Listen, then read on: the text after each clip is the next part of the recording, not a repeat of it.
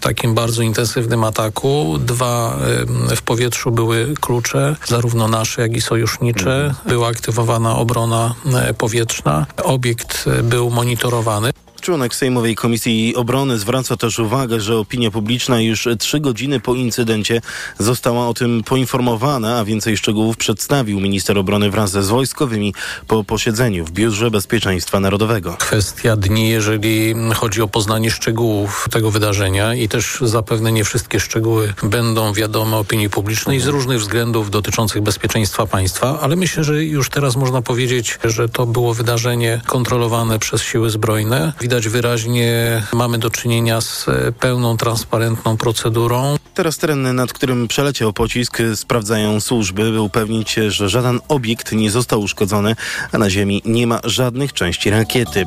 Zmasowany atak Rosji na Ukrainę, w którym zginęło w piątek co najmniej 30 osób, a ponad 160 zostało rannych, wydaje się kulminacją kilkumiesięcznego testowania ukraińskiej obrony. Tak ocenił amerykański Instytut Badań nad Wojną w najnowszym raporcie raporcie. Instytut przewiduje, że Rosja będzie nadal dokonywać znacznych uderzeń na Ukrainę, by osłabić ukraińskie morale i zdolność do walki z Rosją.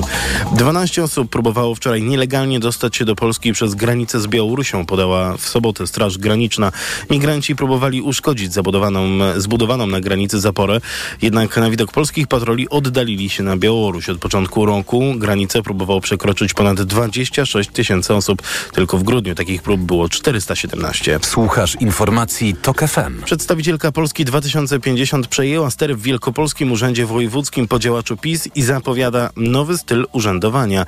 Agata Sobczyk na początek zarządziła zawieszenie unijnych flag i podczas krótkiego spotkania z dziennikarzami zapowiedziała, na co chce zwracać szczególną uwagę. Maciej Szefer. Nowa wojewoda pracę w urzędzie zaczęła w piątek. Agata Sobczyk mówiła, że jedną z pierwszych decyzji było powieszenie na gmachu i w gabinecie unijnej flagi. Na pierwszym spotkaniu z dziennikarzami nie odpowiadała na pytania, ale ma to się zmienić już za chwilę. Po nowym roku będziemy się tutaj starali do Państwa wrócić e, z większymi informacjami o naszych e, pracach. Też chcę ten urząd przybliżyć obywatelom. Nowa wojewoda zapowiada lepszą współpracę z samorządami czy organizacjami pozarządowymi. Niezmiennie ważnymi dla mnie tematami pozostaje edukacja, ochrona środowiska i z tytułu tego, że jestem kobietą piastującą też urząd, jest to wzmacnianie roli kobiet w życiu społecznym. Sobczyk zapowiada nowy styl urzędowania. Chce być bliżej ludzi. Maciej Szefer, TOG FM. Teraz w TOG FM i w informacjach sport. Daleko od dobrych wyników, ale jest światełko w tunelu. Polscy skoczkowie w inauguracyjnym konkursie turnieju czterech skoczni w Oberstdorfie nie zachwycali. Najlepszy z naszych Kamil Stoch był na 17 miejscu, do czwórki daleko, ale to jeden z najlepszych występów w tym sezonie, tak mówił w rozmowie z Eurosportem. Pomału, pomału. Wiadomo, że to nie jest przeskok wielki, jaki byśmy, jaki ja bym chciał, jaki chcieliby pewnie kibice, ale, no, ale mówiłem, że to pewnie potrwa. Muszę się trzymać konsekwentnie po prostu tego, co robię, bo no, każde przyspieszenie będzie się po prostu wiązało z dodatkowymi błędami, a ja chcę unikać błędów. 27 miejsce zajął Dawid Kubacki, który znacznie lepiej zaprezentował się w drugiej serii rywalizacji w Oberstdorfie. Wczoraj e, jednak wciąż było od, de, od optymalnej formy, mówił dla Eurosportu. Jak to w sporcie, może się odkręcić przez noc i na drugi dzień jest super, a, e, a może się kręcić, kręcić i kręcić i nie chcieć się odkręcić. No ale taka jest prawda, że no my musimy w to wierzyć, bo inaczej e, no to by trzeba było na, nartę na kołek zawiesić zakończyć zimę. I jeszcze trzeci z Polaków w rywalizacji Piotr Żyła był na 28 miejscu. Konkurs w Oberstdorfie wygrał Niemiec Andras Wellinger. Kolejne zawody z serii turnieju czterech skoczni w poniedziałek. Kolejne informacje w TOK FM wcześniej, bo o 10.20. Jeszcze wcześniej prognoza pogody. Pogoda. Przez cały dzień od południa będzie napływało ciepłe powietrze polarnomorskie. W całym kraju zachmurzenie przeważnie duże. Pada także deszcz. W Warszawie i Gdańsku dzisiaj 5 stopni, w Poznaniu i Krakowie 7, we Wrocławiu 8, a ciśnienie będzie spadać. Radio TOK FM. Pierwsze radio informacyjne.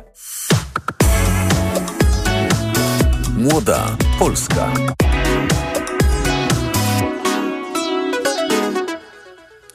Sobota 10.06, więc zaczynamy Młodą Polskę. Ja nazywam się Wiktoria Droszkowiak i moją gościnią dzisiaj w tym e, odcinku, w którym podsumujemy rok 2023 jest e, Dagmara Adamiak, e, aktywistka, prawniczka, działaczka, która zainicjowała kampanię Prawdy, jedną z takich głośniejszych kampanii prowadzoną przez młode osoby w ubiegłym już roku. Dzień dobry.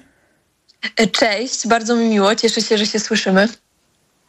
Ja też bardzo cieszę się, że słyszymy się ponownie, dlatego że Dagmara była jedną z tych osób, która była pierwszą gościnią tej audycji w ogóle e, na antenie TOK FM-u, e, więc dlatego tym bardziej pomyśleliśmy, że taka klamra, w której rozpoczęliśmy wspólnie i, i zakończymy wspólnie e, ten rok po prostu będzie, myślę, ciekawa.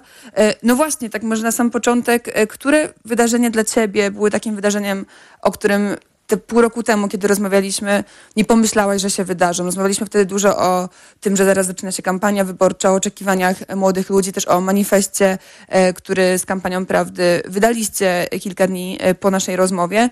No właśnie, jakby co było dla ciebie takim przełomowym wydarzeniem, e, które było niespodzianką?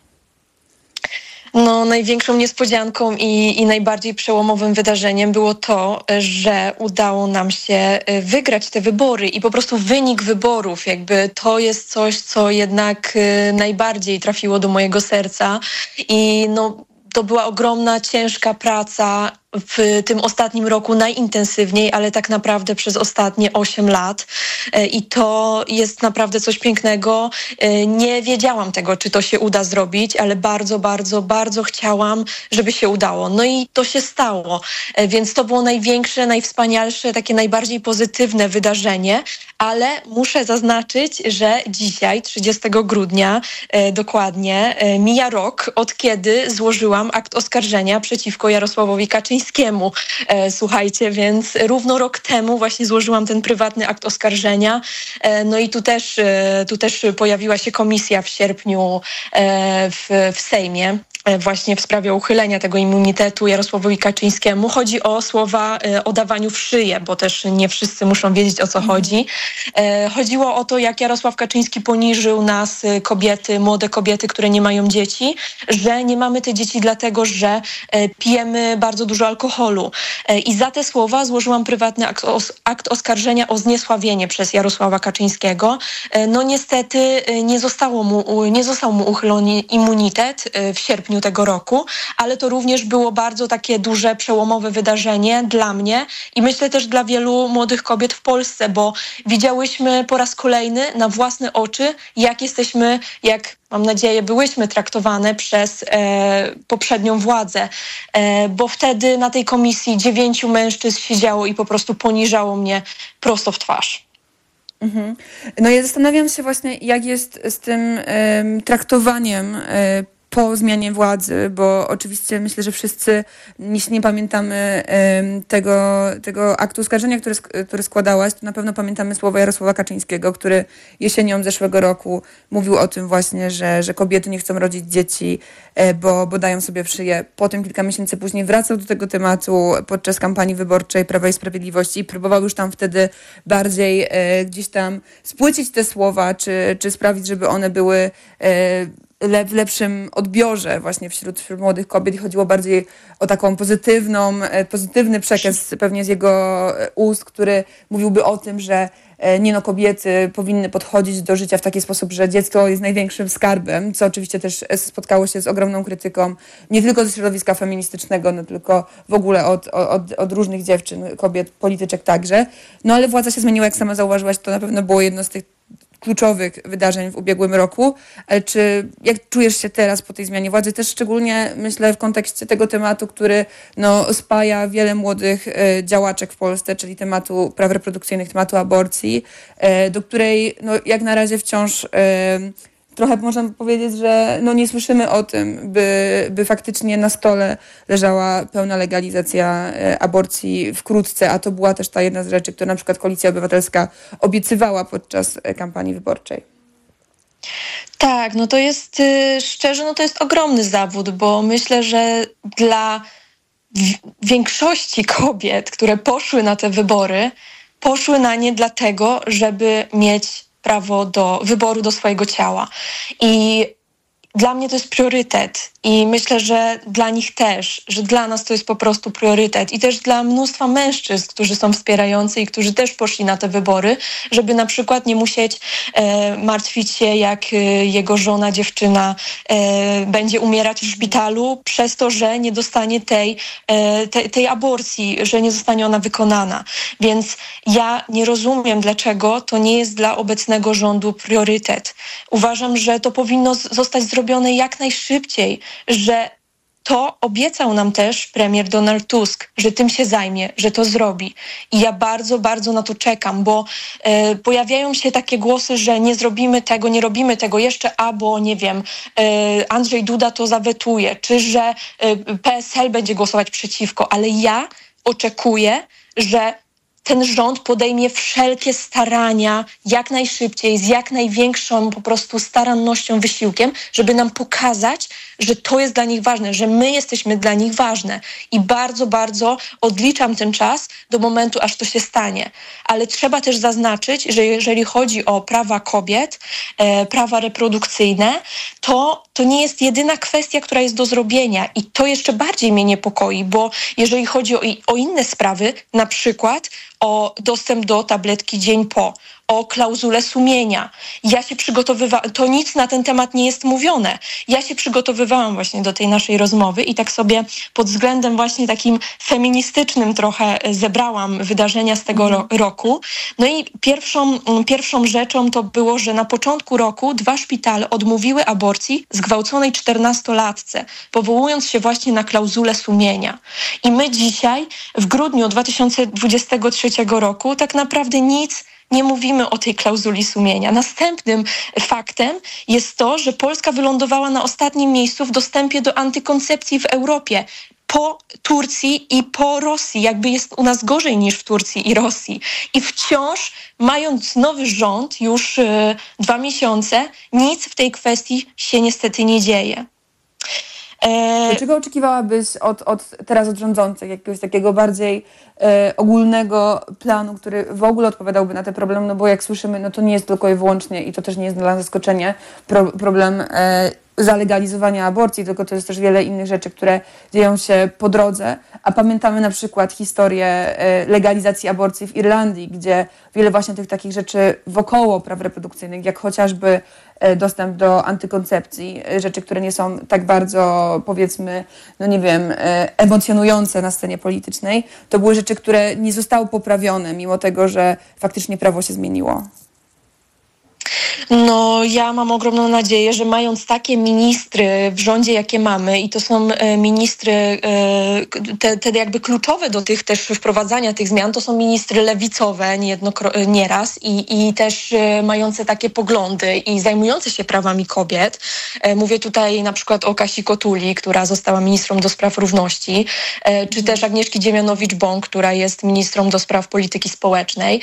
No to tak naprawdę ja uważam, że to powinny być tematy, które będą teraz no, takie najważniejsze, że to wszystko zostanie jakby kompleksowo wprowadzone. No kurczę, jakby kto ma to zrobić właśnie jak nie te kobiety, e, które no, udało im się dotrzeć na te miejsca, więc mam nadzieję, że uda im się też postulować i wprowadzać zmiany, które są wiem, że dla nich ważne i dla nas ważne, jako dla kobiet w Polsce po prostu. Więc mam nadzieję, że to nie będzie tylko tak. Niezbędne, dokładnie, że tak. No, prawo do sterylizacji. Cały czas w Polsce mamy niedostępność do prawa y, do sterylizacji dla kobiet, gdzie dla mężczyzn jest to dostępne, tak? No to są kwestie, które muszą zostać zrobione i ja tego oczekuję i ja na to liczę i ja apeluję o to, żeby to były te noworoczne postanowienia na 2024 rok, jak najszybciej, właśnie zrealizowanie y, podstawowych praw kobiet w Polsce, żebyśmy my mogły w końcu czuć jak pełnoprawne obywatelki. To może już tak na mhm. sam koniec, jakie będzie Twoje noworoczne postanowienie jako działaczki, jakie powinno być Twoje noworoczne postanowienie i być może też takie inspiracyjne takie postanowienie dla, dla młodych osób w Polsce, które być może chcą zacząć angażować się w życie polityczne, które będzie trochę wykraczało poza tylko i wyłącznie oglądanie gdzieś tam tej sceny politycznej przez internet czy, czy zupełnie z zewnątrz. E, no ja właśnie też jednym z takich moich e, końcowych e, decyzji pod, pod koniec tego roku 2023 było dołączenie do partii Zieloni. I no dołączyłam, już jestem oficjalnie członkinią tej partii i planuję wystartować w wyborach samorządowych do Rady Miasta Szczecina, mojego kochanego Szczecina. I tak naprawdę to jest myślę to, co mogę też poradzić innym, to co sama jakby przyjęłam i, i tym idę, to jest to, że aktywistki, działaczki na rzecz praw kobiet, no musimy być w tej polityce, bo zmieniło się bardzo dużo i widzimy, jak dużo się zmieniło w tym rządzie, ale ja cały czas mam poczucie, że my jako dziewczyny, a przede wszystkim młode kobiety, jesteśmy bardzo mocno niedoreprezentowane. I my musimy być w tej polityce po prostu, więc ja bardzo mocno zachęcam Was, zgłaszajcie się do partii, zapisujcie się i startujcie w tych wyborach samorządowych, bo też właśnie dzięki temu, że e, te osoby działające e, mają teraz możliwość jakby być e, w ministerstwach, to dużo tych miejsc w samorządach też mogło się pozwalniać i to jest szansa dla nas, tak? Więc zachęcam z całego serca. Wiem, że to nie jest proste. Wiem, że to wzbudza wiele lęku, obaw, że nie będziemy wystarczające. Ja też to mam, ale naprawdę bądźmy odważne i w ten sposób możemy doprowadzić do zmian, jakby same je wprowadzając po prostu. Dzięki. Wielkie dzięki Dagmara Adamiak. E, kampania Prawdy, jak słyszymy, Partia Zieloni była moją gościnią, a teraz zapraszamy Państwa na informacje. Młoda Polska. Reklama. RTV Euro AGD. Teraz w euro wielka wyprzedaż na produkty objęte akcją. 4K 50 cali Toshiba Smart TV. Najniższa cena z ostatnich 30 dni przed obniżką to 1799. Teraz za 1599 zł. I dodatkowo jedna lub aż dwie raty gratis na cały asortyment z wyłączeniem produktów Apple i kodów aktywacyjnych. I do marca nie płacisz. RRSO 0%.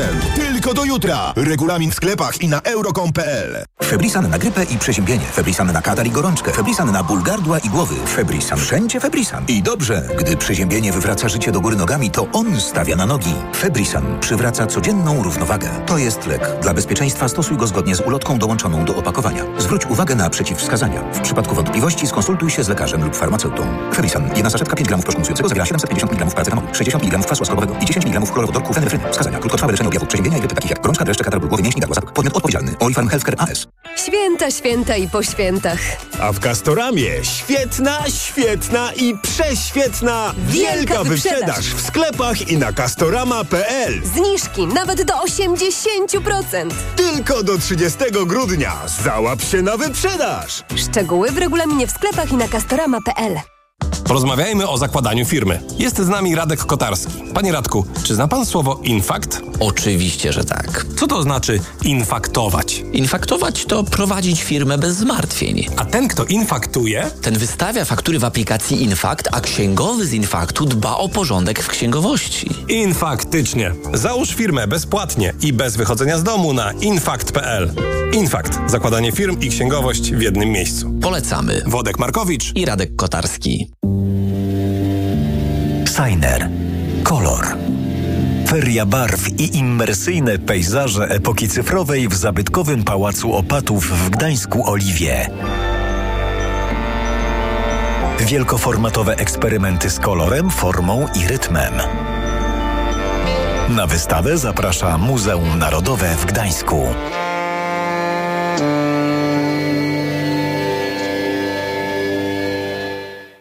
Marian, a Ania, wiesz, ta co w szkole uczy, pytała, gdzie najlepiej zrealizować bond dla nauczyciela na zakup laptopa. No jak to, Barbara? W Media Expert mają ponad 90 modeli laptopów dla nauczycieli i dodają prezent o wartości nawet 600 zł. Za złotówkę? No za złotówkę. A do tego to pewne i sprawdzone miejsce ze wszystkimi niezbędnymi gwarancjami. A MacBooki mają? Barbara, mają, no oczywiście, że mają i wszystko w super cenach. Więcej w sklepach i na mediaexpert.pl Reklama. Radio TOK FM. Pierwsze radio informacyjne.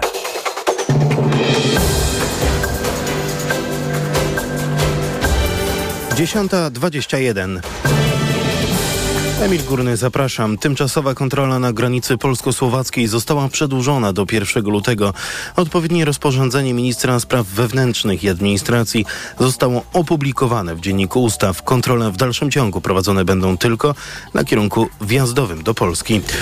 Trudne są warunki na szlakach turystycznych w Beskidach, alarmują ratownicy Grupy Beskidzkiej GOPR. W wyższych partiach gór leży na nich mokry śnieg, a poniżej jest błotniście. Synoptycy przestrzegli także przed silnym wiatrem, którym ma wiać do popołudnia. Członkowie Krajowej Rady Radiofonii i Telewizji zapowiadają, że w trybie pilnym przedstawią projekt, który ma przeciwdziałać obecnej, obecnej sytuacji w mediach publicznych. Poinformowała o tym szefowa Kancelarii Prezydenta, zaznaczając, że sytuacja, której trzeba przeciwdziałać, to ta, w której media publiczne są narażone na likwidację. Wczoraj Andrzej Duda spotkał się z członkami Krajowej Rady Radiofonii i Telewizji. Kolejne wydanie informacji w TOK FM o 10.40. Radio TOK FM. Pierwsze radio informacyjne. Młoda Polska.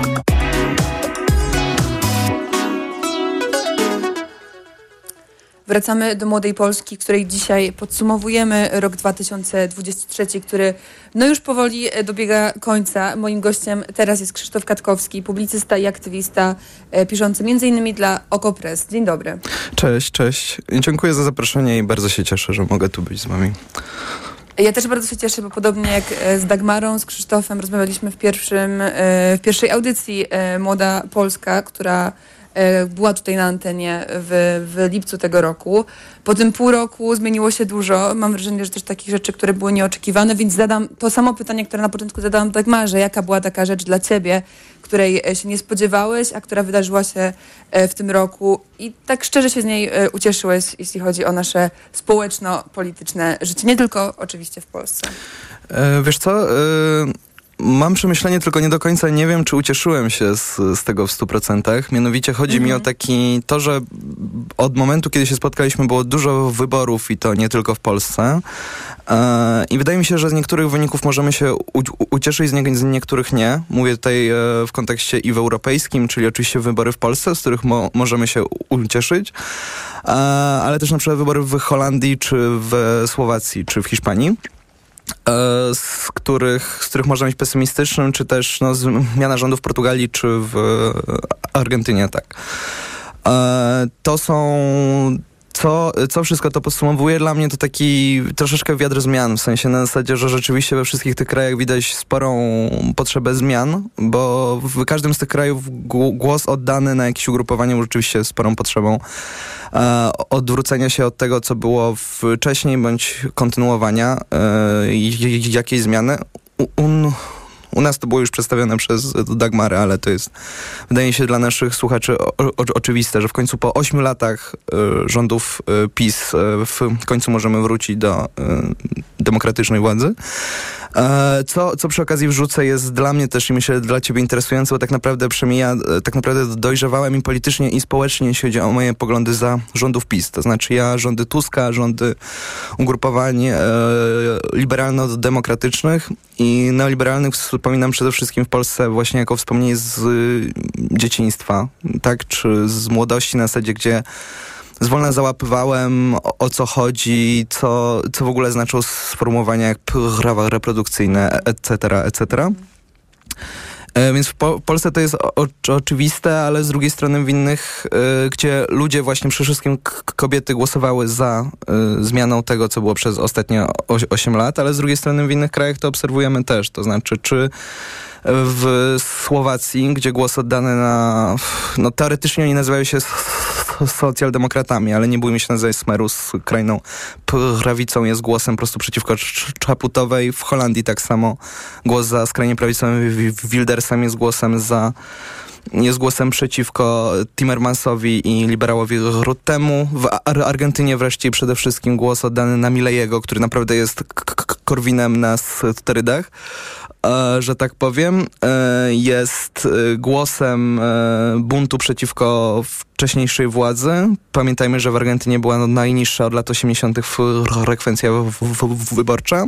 Czy wreszcie w Hiszpanii też, nawet mimo, że w Hiszpanii lewicowy rząd radzi sobie naprawdę dobrze, to i tak był spory spory, że tak powiem, e, odzew. Na, nazywano to w hiszpańskich mediach niebieskim tsunami, tak? Ze względu na kolor ugrupowania konserwatywnego w Hiszpanii Partido Popular. Więc to jest wszystko.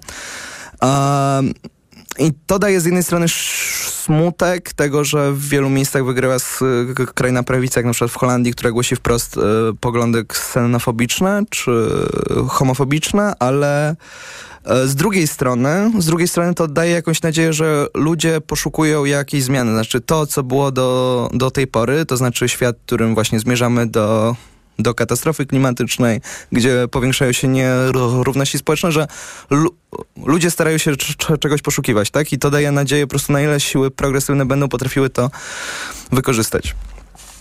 No właśnie, no to jeśli faktycznie e, ludzie poszukują czegoś nowego i taka jest tendencja na świecie, no bo też patrząc chociażby na Niemcy, nie tak daleko od nas, w których e, ta, ta tendencja wyborcza no zupełnie się zmienia. Jak zobaczymy teraz na sondaże wyborcze, to tam skrajnie prawicowa partia prześciga partie, które obecnie dzisiaj są w rządzie, które współtworzą rząd. E, co to nam mówi też o Polkach i Polakach? Czy to jest tak, że my po prostu byliśmy zmęczeni pisem i chcieliśmy tego powrotu do Platformy Obywatelskiej, której ja i ty faktycznie już nie pamięta, jeszcze nie, nie poznaliśmy i, i, i nie pamiętamy? Czy chcieliśmy, e, czy wierzyliśmy, że to, co tworzy się pod tak naprawdę twarzą Donalda Tuska, ale też jakby razem w, w ramach koalicji rządzącej dzisiejszej jest po prostu alternatywą i jest tą zmianą, która faktycznie może przyjść i, i e, być gdzieś tam w tym progresywnym nurcie z kolei, a, a nie tylko e, w tych, które widzimy na całym świecie. Co to o nas mówi?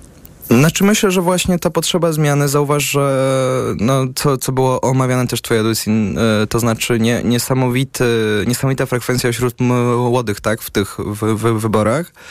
Ale myślę, że w ogóle pokazuje po tych ośmiu latach to, że mimo, że opozycja demokratyczna nie zawsze w kampaniach była idealna i potrafiła jakoś do końca przedstawić swój program. E, przykład Lewicy, która miała bardzo szczegółowo i świetnie napisany program, tylko że no, tak naprawdę w kampanii, to moja oczywiście opinia, nie, nie potrafiła tego dobrze e, zaprezentować, stąd ten wynik ale po prostu zbudowało się takie społeczne, myślę, poczucie po tych wszystkich protestach, to znaczy czy czarne protesty, czy strajki kobiet, ale myślę, że też strajki e, klimatyczne, czy, czy Marsz 4 czerwca.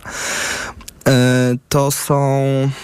E, to są wszystko takie budowanie jakiejś społecznej utopii na zasadzie, że jak wróci ta demokratyczna władza, to rzeczywiście zmieni się, będzie lepiej, to znaczy, no to pokazało, że na przykład uwierzyliśmy, że jak ta władza dojdzie do władzy, to na przykład zostanie wprowadzone w końcu w Polsce prawo do aborcji, tak?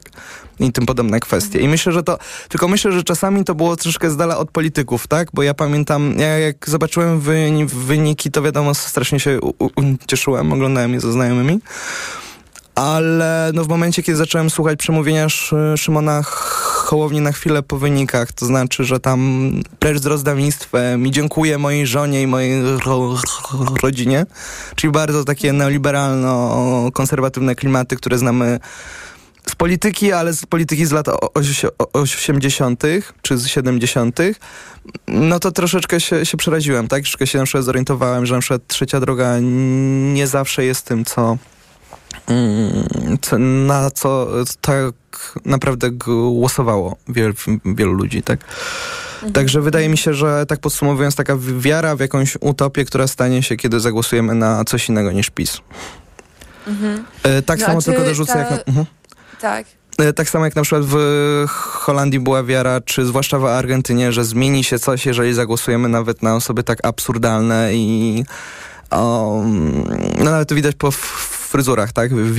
Wildersa czy Milejego, że, że prezentują się jako takie postaci bardzo prawie z kreskówek, to i też jak ludzie chcieli głosować, żeby poczuć jakąś zmianę od tego, co było, tak?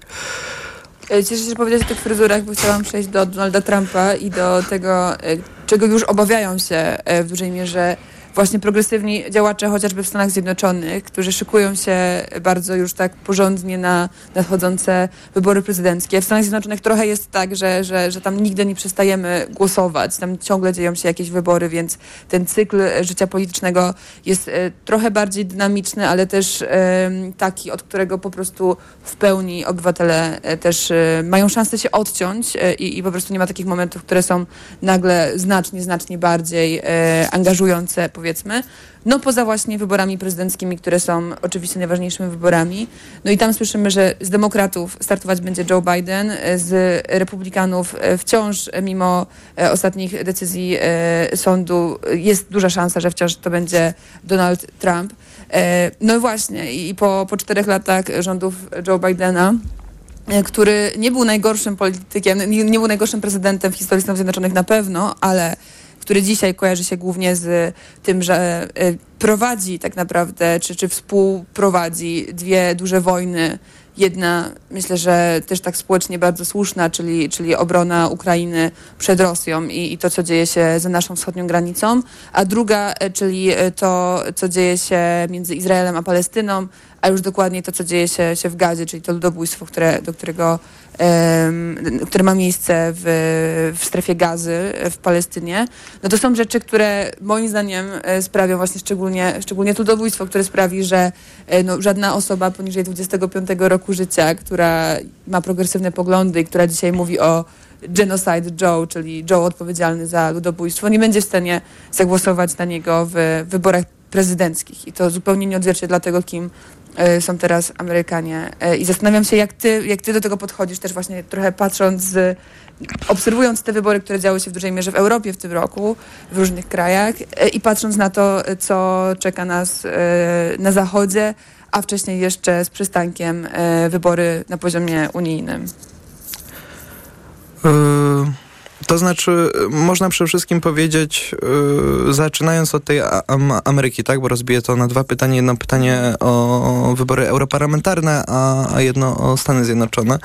No Stany Zjednoczone na pewno Joe, Joe Biden teraz, że tak powiem, nie kojarzy się jakoś świetnie, zwłaszcza, że na przykład jeśli chodzi o yy, Ukrainę, tego, że dużo, zwłaszcza w progresywnej bańce nawet mm, jest to widziane bardzo często na zasadzie, że Joe Biden pomaga Ukraińcom, bo ma w tym interes, albo bo jest to na zasadzie kredytu i, i, i tak dalej. I myślę, że na Trumpa troszeczkę wszyscy z wolna się już szykują. Dowodem na to jest chociażby pojawienie się prezydenta U- Ukrainy Wołodymyra y, Załęskiego na zaprzysiężeniu Mi Milejego w Ar- Argentynie, który jest y, Mi Milejego, który wiadomo jest porównywany do Trumpa. On sam się porównuje do Trumpa, więc to jest na pewno taki po prostu e, pokazanie, że... Znaczy Ukraińcy są po prostu zmuszeni, tak? Po prostu do paktowania z republikanami też. Więc to jest po prostu no, pokazaniem ze strony Ukrainy, że jest gotowa też na to i też się na to przygotowuje, że będzie musiała gadać z prorosyjskim bardzo często Trumpem. Mm, więc wydaje mi się, że tutaj jestem niestety pesymistą też na ten nowy rok, za co przepraszam bardzo. A druga rzecz to wybory europarlamentarne. Myślę, że jeżeli mamy patrzeć na coś na nowy rok, to, no to właśnie wybory europarlamentarne mo, mo, mogą po, pokazać sporo. E, to znaczy pokażą, czy rzeczywiście ci progresywni politycy dają jakąś, jakieś marzenie do zmian, okazję do zmian, na przykład czy w Polsce to była jedynie ta moja teza, że to była utopia bardziej sobie wytworzona przez w, w, w, wyborców, nie przez polityków, czy oni realizują te oczekiwania mm, społeczne i czy ludzie też zagłosują znowu, znowu na nich. E, a także w innych krajach Unii Europejskiej, tak? Czy po prostu, czy uda się rzeczywiście siłą progresywną przedstawić jakoś rzeczywista alternatywa? Czy jednak że, rzeczywistą alternatywą dla zmiany sytuacji ludzi będzie wciąż jednak krajna prawica, tak? Tak jak było w Słowacji czy w Holandii. Mhm. No właśnie i jeszcze trochę pociągając ten temat europarlamentarny, e, jak wydaje tobie się będą, będzie wyglądać kampania wyborcza tutaj w Polsce, zarówno ta samorządowa i później europarlamentarna, bo mam wrażenie, że to będą taki zbitek dwóch kampanii, których, które trochę nie będą miały między sobą przerwy.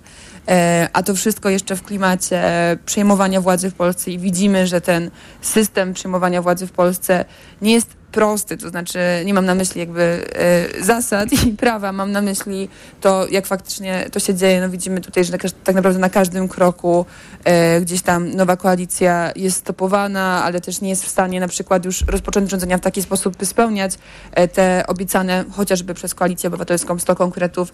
Na razie spełnione jest 3 ze 100, więc jeszcze mamy 97 do, do spełnienia. Na początku Donald Tusk mówił o tym, że te konkrety zostaną spełnione w pierwszych studniach rządu. No wydaje się to być dzisiaj e, niemożliwe i, i, też jakby stan, sytuacja e, to, to tylko nam, e, tą, tą wizję spełnienia tych konkretów tylko nam oddala. Więc jak, jak w ogóle powinniśmy, jak Polki i Polacy będą zachowywać się w kontekście tej nigdy niekończącej się, mam wrażenie, historii o kampaniach wyborczych w Polsce? Mm, wiesz co, myślę, że przede wszystkim, znaczy na znaczy, jeżeli cokolwiek da się przewidywać, to na pewno to, że w, będzie takie zamknięcie zupełne w bańkach medialnych się, to znaczy E, już nawet widzę, no może poznajomych nie w naszym wieku, ale po rodzinie, tak, że, że część osób zamyka się już w bańce telewizji Republika, czy tam telewizji Trwam, gdzie jakoś przewoluowało to TVP. No a część osób, że ogląda TVN i TVP, tak, więc to jest po prostu w tym, że TVN i TVP będzie, będzie raczej stawiać na taki bardziej dialogowy rys, że tak powiem, i, i, i podkreślać mniej polaryzację, ale myślę, że nawet to nie będzie polaryzacja, po prostu zamknięcie się w dwóch bańkach, tak, jeśli chodzi o, o te wybory.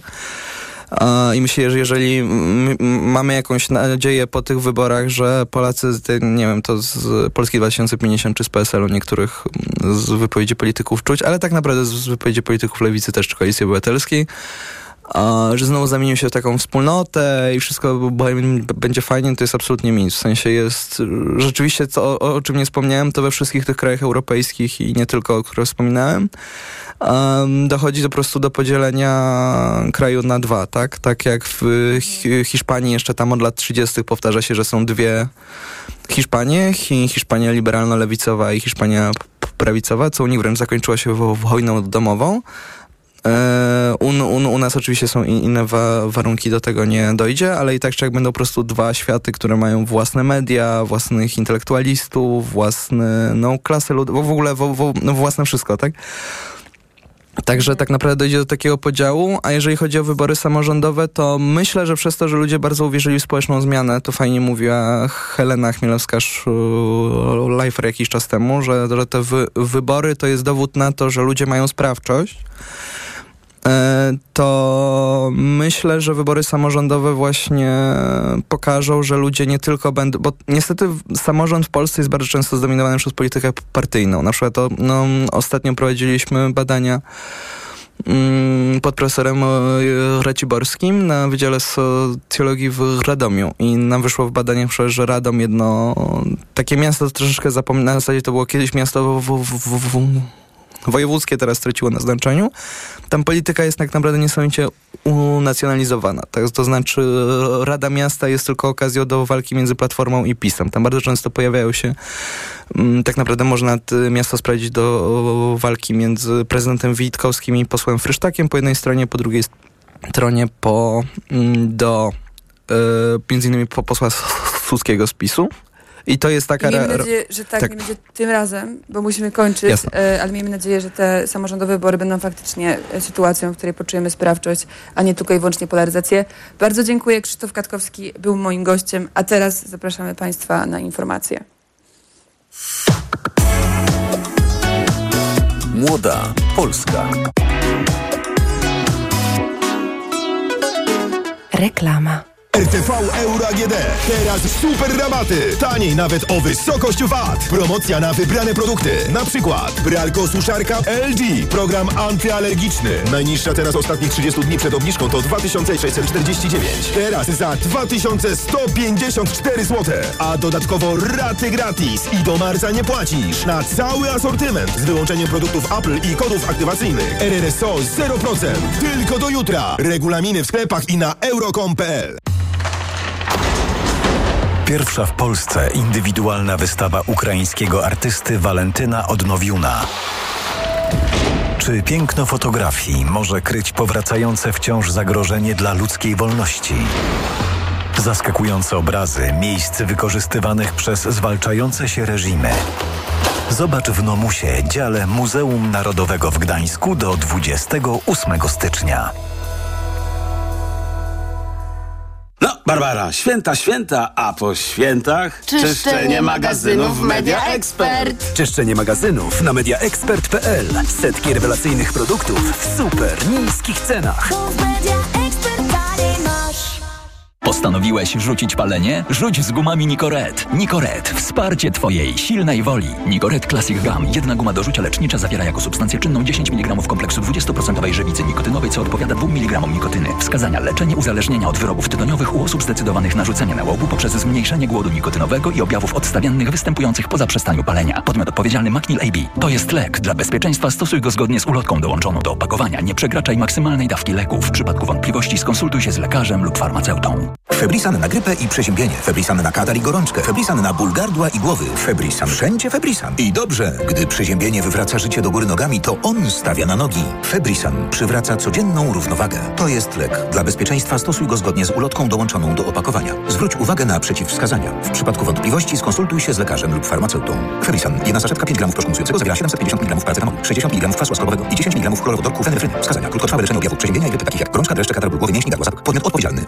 Healthcare AS. Hit stokrotki. Na sylwestrowe dania lub noworoczny obiad. Schab wieprzowy. Cena sprzed pierwszego zastosowania obniżki 22,99 za kilogram. A teraz z aplikacją tylko 17,99 za kilogram. Stokrotka. Ekstra aplikacje mamy. Gdzie super sobotę mam? W Kauflandzie! W tę sobotę wszystkie makarony Lubella. Kup dwa opakowania, trzecie najtańsze gratis. A papier toaletowy Regina, rumiankowy lub aloesowy, 4 lub 8 rolek, tylko 9,99. Nie łączymy ofert. Idę tam, gdzie wszystko mam. Kaufland. Reklama. Radio TOK FM.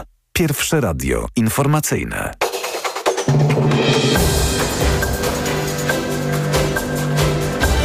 Jest 10.42.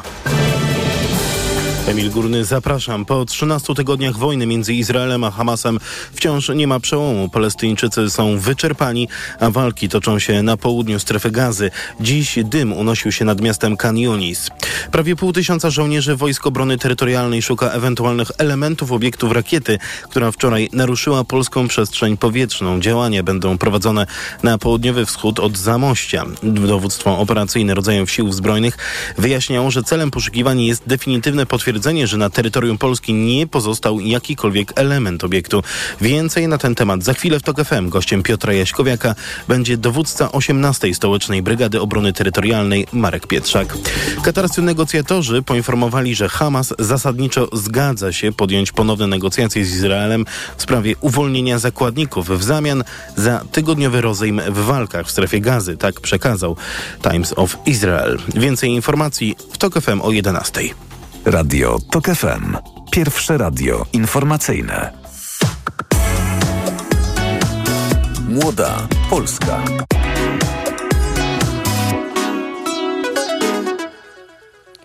Wracamy do Młodej Polski. Dziś podsumowujemy rok 2023. Ja nazywam się Wiktoria Jędroszkołek i w moim już e, ostatnim podsumowaniu moją gościnią jest Dominika Lasota, aktywistka klimatyczna z Inicjatywy Wschód. Dzień dobry.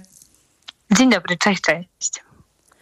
E, Świetnie, że się słyszymy. Dominika, co prawda, w przeciwieństwie do Dagmary Adamiak i do Krzysztofa Katkowskiego, którzy byli gośćmi, gość, e, gośćmi tej audycji przed momentem, e, nie była w tym, w tym naszym pierwszym odcinku, którym domykamy cykl Młodej Polski w tym roku, ale byłaś u nas parę razy opowiadając o tym, co dzieje się aktualnie w polityce klimatycznej, w polityce energetycznej, ale też o tych postulatach, które młode osoby w kontekście najczęściej klimatu, ale nie tylko miały wobec nowej władzy, tej nowej władzy często jeszcze wtedy niewybranej przed wyborami 15 października.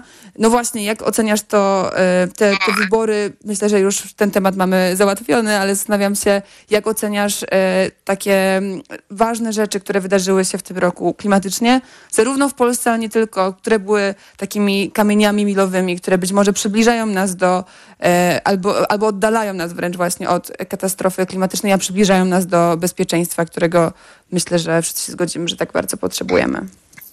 No myślę, że na skali europejskiej to ewidentnie wybory e, nasze, e, polskie, były największym przełomem w e, polityce klimatycznej, bo dobrze wiemy, że gdyby Zjednoczona Prawica dostała kolejne cztery lata rządzenia, no to byśmy trwali w tej takiej no bezczynności, jeśli chodzi o politykę klimatyczną, jeśli chodzi o transformację energetyczną, a tak otwierają się przed nami no, pewne drzwi i mam nadzieję, że lada moment tak naprawdę zobaczymy e, pierwsze te większe decyzje, e, które będą e, płynąć ze strony rządu.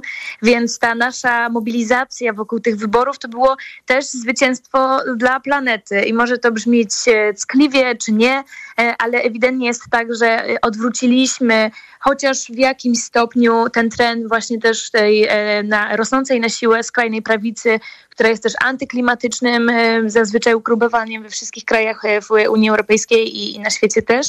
E, ewidentnie no, wbiłyśmy E, po prostu wbiłyśmy się w szprychy systemu i, e, i ewidentnie jest tak, że teraz Polska ma szansę stać się no, taką liderką w walce z kryzysem klimatycznym, ale też liderką w, w kwestii tej uczciwej, zielonej transformacji, która się należy nam wszystkim i należy też e, polskim pracownikom. Z innych zwycięstw w tym roku, bo ja mimo wszystko staram się też zerkać na te optymistyczne sygnały, myślę, że bardzo ważnym zwycięstwem, które się udało uzyskać, E, było zwycięstwo na ostatnim szczycie klimatycznym w Dubaju, w sercu e, po prostu paliwowego imperium, e, właśnie na, na którym to szczycie dzięki działaniom aktywistek, aktywistów, rdzennych społeczności, liderów, naukowców udało się wreszcie po 30 latach uzyskać w, tych, w tym finalnym tej deklaracji, która z tego Dubaju płynie do nas, że świat będzie odchodził od paliw kopalnych, bo jak wiemy, to właśnie właśnie ropa, gaz i węgiel to są źródła tego kryzysu. Także te zwycięstwa są duże, to pokazuje, że siła ludzi jest naprawdę o wiele większa niż, e, niż siła tych, którzy są teraz u władzy i e, dawniej jako, jako no, chociażby w rządzie Zjednoczonej Prawicy, czy też w spółkach e, paliwowych. I ewidentnie jest tak, że w, tych, w tym całym takim horrorze, który dzieje się politycznie, możemy liczyć też na jakieś takie źródło nadziei. No z drugiej strony też e, w tym wszystkim mamy na przykład takie postulaty, jak to by e, ten, ten najwyższy stan emisji e, na całym świecie był w 2025 roku i wiemy, że jesteśmy coraz dalej od, od takiego stanu rzeczy. Wiemy też, że jesteśmy daleko od zakazania nowych inwestycji w paliwa kopalne, czyli nowych rurociągów, nowych nowych terminali gazowych i tak dalej, wszystkich tych inwestycji, które na przykład Międzynarodowa Agencja Energetyczna mówi wprost o nich, że one są po prostu e, no, z jednej strony zaprzeczeniem jakiegokolwiek dążenia do zatrzymania globalnego ocieplenia na poziomie 1,5 stopnia, ale są też już po prostu w ogromnej mierze nierentowne. No i mamy też takie mniejsze rzeczy, czyli na przykład te postulaty, już tak dzisiaj odbijamy się od, od tych stu konkretów Koalicji Obywatelskiej, postulaty, które mówią o chociażby zmianach w Orlenie, w największej e, spółce paliwowej w Polsce, ale też we wschodniej Europie. No i to są takie rzeczy, które mam wrażenie, że trochę stawiają nas między młotem a kowadłem, bo faktycznie powodów do radości jest sporo, ale też ta e, no, przygniatająca rzeczywistość i te scenariusze, które nam już są nam coraz bardziej bliskie i coraz bardziej namacalne, które dotychczas często po prostu gdzieś tam rysowali przed nami naukowcy i naukowczynie, chociażby z IPCC, z Międzyrządowego Panelu do Spraw Zmian Klimatycznych, no to są takie rzeczy, które faktycznie stawiają nas gdzieś pomiędzy. I zastanawiam się, jak ty widzisz ten rok 2024, ten rok, który zaczyna się już za parę dni? Kiedy, jakie tam będą te, takie najważniejsze, e, powiedzmy, postulaty, ale też cele dla ruchu klimatycznego, ale też jakie powinny być dla, dla naszych polityków, którzy faktycznie mhm. mają teraz w ręku te narzędzia, by sprawić, że Polska będzie liderką transformacji, a nie tylko i wyłącznie jej blokadą? No myślę, że zdecydowanie jakby ten, ten, ten optymizm, który, który ja widzę, czy, czy te źródła nadziei nie przysłaniają e, faktu, że stoimy przed e, ogromnym bałaganem i przed e, ogromnymi wyzwaniami i kryzys klimatyczny przyspiesza, transformacja póki co jest w, w chaosie i, i te siły też antyklimatyczne rosną również na siłę. Więc to wyzwanie jest ogromne. Przy czym wydaje mi się, że to jak ja spoglądam na ten przyszły rok, to jakby ja czerpię, dla mnie dużą inspiracją w tym roku było to, kiedy widziałam, e, jak e, wiele młodych osób, aktywistek, czy po prostu młodych ludzi, którzy poczuli taką jakąś taki przypływ po prostu odwagi, pojawiało się, chodziło na te wiece e, w kampanii wyborczej e, i często e, wbrew po prostu, pomimo, w sensie bez mikrofonu, wstawały te osoby i zadawały takim politykom jak Donald Tusk, czy Hołownia, czy Czarzasty, czy czasami też Morawiecki, którego aktywista Marcin Dziubak e, z inicjatywy Wschód między innymi też e, złapał na wiecu chyba w, w Otwocku. Za każdym momentem, kiedy te młode osoby, które po prostu są zwykłymi ludźmi żyjącymi na co dzień pewnie swoją szkołą czy pracą, jakby odważnie stawiały czoła tym politykom i zadawały im pytania o naprawdę jakby takie no bardzo kwestie dotyczące twardej polityki, kwestie dotyczące tych wielkich mhm. biznesów, jakimi e, są biznesy związane z paliwami kopalnymi, dla mnie to tak naprawdę były te momenty, w których e, jakby pokazujemy, że młodzi ludzie nie są już tylko o edukacji czy o prawach osób LGBT, tylko my naprawdę jesteśmy gotowi wchodzić w tą twardą politykę i domagać się bardzo dużych konkretów, domagać się konkretnych zmian, bo też wiemy bardzo dobrze, że to właśnie tych obszarach, w tych koncernach, e, w tych konszachtach dotyczących właśnie tej twardej polityki, że tam leży władza, że to przez chociażby deale węglowe upadają rządy albo przez e, e, właśnie e, różne te, te, te, te biznesy niektórym politykom kończą się kariery i dlatego też na 2024 życzę sobie i życzę nam wszystkim, żebyśmy takich momentów, właśnie takiej odwagi ze strony zwykłych ludzi widzieli więcej. A co do konkretów, no to ja liczę na to, że 2024 rok to będzie pierwszy rok, w którym uczciwa, zielona transformacja zostanie potraktowana poważnie w tym kraju, że wreszcie będziemy widzieć konkretne gwarancje zatrudnienia dla górników i wszystkich innych pracowników i pracowniczek sektora związanych, sektorów związanych z przemysłem paliw kopalnych, że wreszcie będziemy widzieli konkretne plany odblokowania OZE w Polsce i tego, jak rząd sprawi, że, żeby ludzie mogli wreszcie do tej fotowoltaiki, do tych wiatraków mieć jak najlepszy dostęp. Myślę, że musimy wreszcie domagać się tych konkretów, ale też chciałabym, żebyśmy wreszcie widzieli konkretne ustawy, konkretne działania i konkretne pieniądze, które będą na te inwestycje płynęły no tak naprawdę już od nowego roku. Mamy na przykład kwestie wiatraków, o których wspomniałaś, e, kwestię trochę w Polsce teraz znowu zawieszoną e, w wyniku tej tak zwanej e, ustawy, afery wiatrakowej, która działa się na, na początku grudnia w Polsce, która doprowadziła do tego, że faktycznie wiatraki i, i to, że mieliśmy odblokować ustawę 10H również w jej tym takim bardziej, no, no już mniej konserwatywnym, ale wciąż ograniczającym czy uniemożliwiającym budowę elektrowni wiatrowych kształcie mieliśmy, mieliśmy ją, ją, ją uchwalić, to się nie wydarzyło.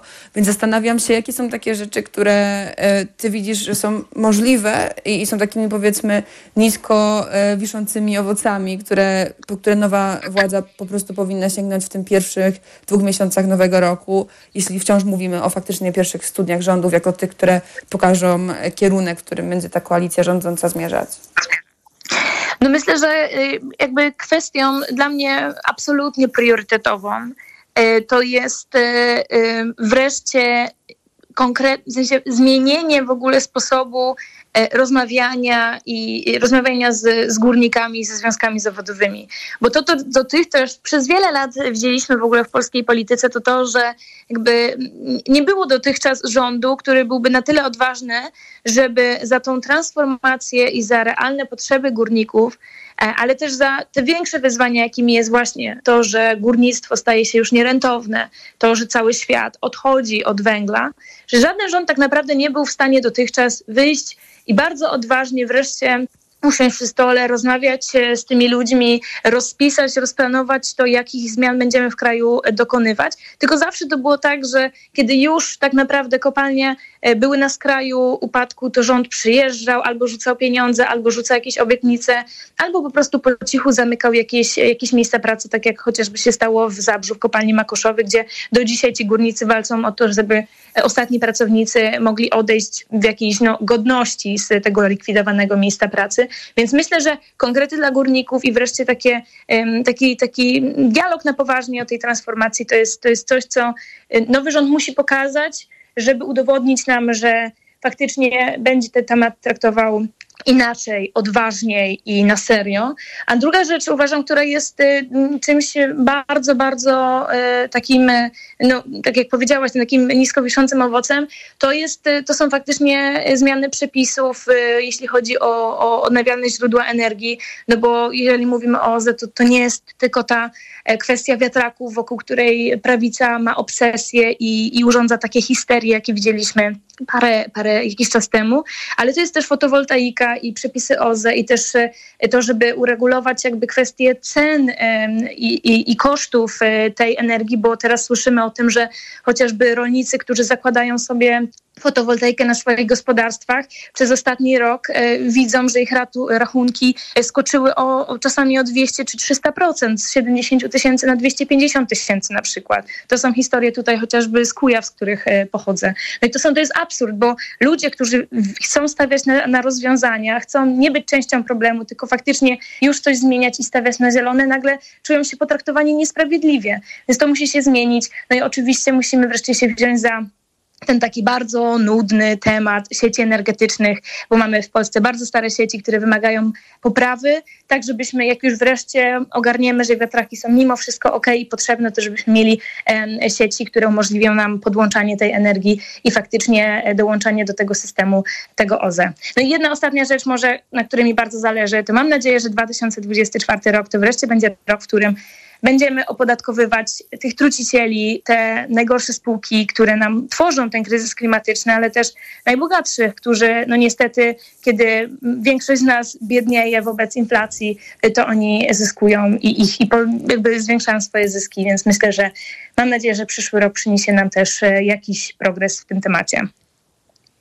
Bardzo e, dziękuję. Moją ostatnią gościnią była aktywistka klimatyczna z inicjatywy Wschód Dominika Lasota. Wielkie dzięki za rozmowę i dziękuję bardzo za to e, podsumowanie roku, które zrobiłam też z Państwem.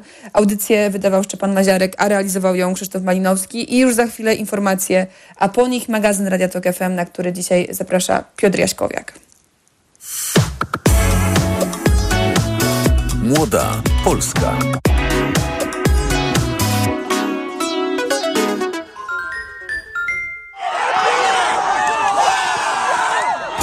Przy niedzieli o sporcie w Radiu Tok FM od godziny 17.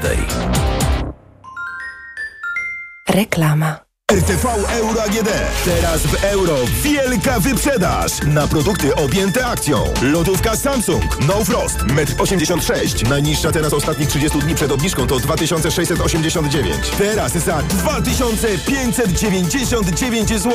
I dodatkowo jedna lub aż dwie raty gratis na cały asortyment z wyłączeniem produktów Apple i kodów aktywacyjnych. I do marca nie płacisz. RRSO 0%. Tylko do jutra. Regulamin w sklepach i na euro.com.pl. Jako dietetyk na wątrobę zawsze polecam Proliver, ponieważ zawiera składniki wspierające właściwą pracę wątroby. Często ze względu na dietę, wiek czy masę ciała zwracam uwagę na poziom cukru we krwi. Wtedy proponuję nowość Proliver Diabeto. Suplement diety Proliver Diabeto dba o wątrobę, a dodatkowo zawiera wysoką dawkę morwy białej, która przyczynia się do utrzymania prawidłowego poziomu cukru. Stosując Proliver Diabeto osiągamy obie te ważne korzyści. Proliver Diabeto, zdrowa wątroba i prawidłowy poziom cukru. Aflofarm. Wyciąg z liści karczocha wspiera utrzymanie zdrowej wątroby. Panie Pascalu, ma pan jakiś przepis na tanią kuchnię? To bardzo proste. Idziesz do Media Expert, kupujesz sprzęty do kuchni z promocją multirabaty i piąty produkt masz za złotówkę. No i merci bardzo. Multirabaty w Media Expert. Im więcej produktów promocyjnych kupujesz, tym taniej. Drugi produkt 30% taniej lub trzeci 55% lub czwarty 80% lub piąty produkt za złotówkę. Więcej w sklepach Media Expert i na mediaexpert.pl. Przed wejściem na rozprawę weź Valerin Max, a ja pomogę Ci przez to przejść. Praca, praca i jeszcze więcej pracy. Tutaj może pomóc tylko Valerin. Valerin Max to lek ziołowy w wysokiej dawce, a do tego nie uzależnia. Valerin Max. Zdrowa dawka spokoju. Valerin Max. Jedna tabletka powlekana zawiera 360 mg wyciągu wodno-alkoholowego z korzenia kozłka lekarskiego. Wskazania. Łagodne stany napięcia nerwowego i uczucia niepokoju. To jest lek. Dla bezpieczeństwa stosuj go zgodnie z ulotką dołączoną do opakowania i tylko wtedy, gdy jest to konieczne. W przypadku wątpliwości skonsultuj się z lekarzem lub farmaceutą. Aflofarm. Czy pierwszy milion trzeba ukraść? Czy pieniądze lubią ciszę? Odpowiedzi na te pytania mogą być różne. W programie Biznes Klasa zadamy je ludziom, którzy liczą się w świecie wielkiego biznesu i jeszcze większych pieniędzy.